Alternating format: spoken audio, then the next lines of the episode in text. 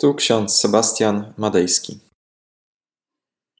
Dzisiaj jest 1 października 2022 rok. Sobota. Otwieramy Księgę Izajasza, 53 rozdział, werset 5. Ukarany został dla naszego zbawienia. Oraz pierwszy list Piotra, drugi rozdział, 24 werset. Chrystus grzechy nasze sam na ciele swoim poniósł na drzewo abyśmy obumarłszy grzechom dla sprawiedliwości żyli. Drodzy, pieśń o słudze pańskim z księgi Izajasza jest dla chrześcijan przede wszystkim hymnem o Jezusie Chrystusie.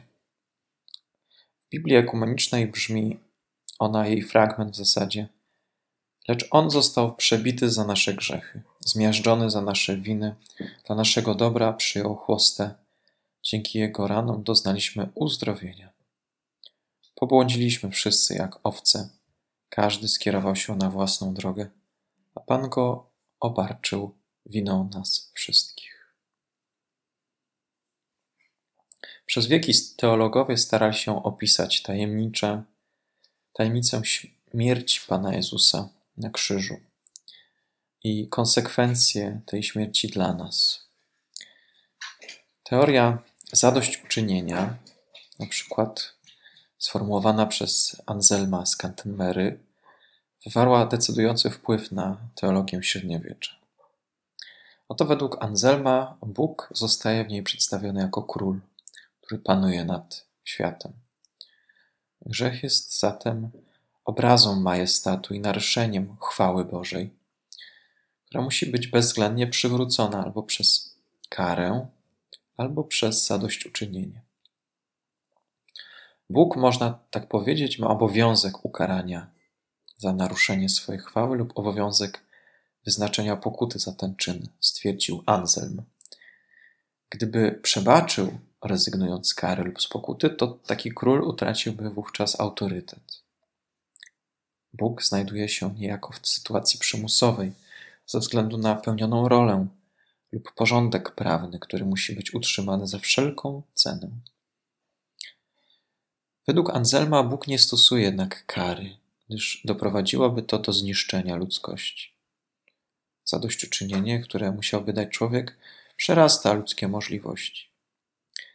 Z jednej strony tylko Bóg może to zrobić i tylko Jego jest stać na danie satysfakcji. Z drugiej zaś tym, który musiałby je dokonać, jest człowiek. W tej dramatycznej sytuacji Bóg musi stać się człowiekiem, aby dać satysfakcję, opołacenie, czyli zadośćuczynienie. Jedynie człowiek, Jezus Chrystus, może dać Bogu konieczne zadośćuczynienie, wywołując w nim poczucie pojednania. Dlatego śmierć Jezusa Chrystusa według Anselma to przede wszystkim Boży cel. To jest powód, dla którego Bóg przyszedł na ten świat, aby oddać swoje życie, aby zadośćuczynić naszym grzechom, abyśmy my byli usprawiedliwieni i zbawieni. Inaczej sądził Abelard, inny średniowieczny teolog, którego poglądy brzmią następująco. Abelard nie mówi o zadośćuczynieniu, lecz mówi o tym, że w śmierci Jezusa objawiła się miłość Boga. Ta miłość Boga polega na tym, że Bóg oddaje swoje życie za swoich przyjaciół, oddaje swoje życie za swoich uczniów, poświęca się dla nich. W ten sposób pokazuje, jak miłować, jak znieść ten świat i przeciwności losu, jak przeciwdziałać nienawiści.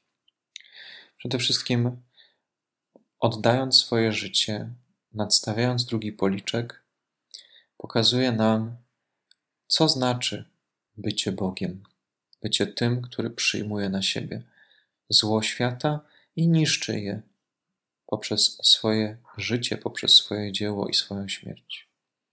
Ta miłość Boga w człowieku budzi miłość do drugiego człowieka i przestaje już człowiek nienawidzić, a zaczyna kochać na wzór Chrystusowy. To twierdził Abelard. Istniał jeszcze trzeci pogląd, zwłaszcza w kościele greckim. Ten klasyczny pogląd, jak nazywa go pewien szwedzki teolog Gustav Aulen, polega na tym, że Chrystus jest zwycięzcą. Dzieło pojednania zgodnie z tym modelem jest czynem walki i zwycięstwa. Bóg zwycięża w Chrystusie moce zła. Przez to doprowadza do pojednania ze światem. W tym pierwszym typie nauki o pojednaniu jest przede wszystkim pokazane, że Chrystus, Bóg, jest zwycięzcą, zwycięża grzech, zwycięża zło, które jest w tym świecie, i dzięki temu zwycięstwu możemy mu zaufać, możemy do niego się zbliżyć poprzez wiarę, oczywiście.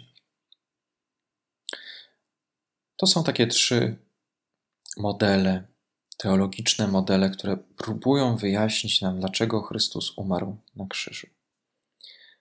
Chrystus umarł za ciebie na krzyżu. Co to dla ciebie znaczy? Jak rozumiesz takie słowo?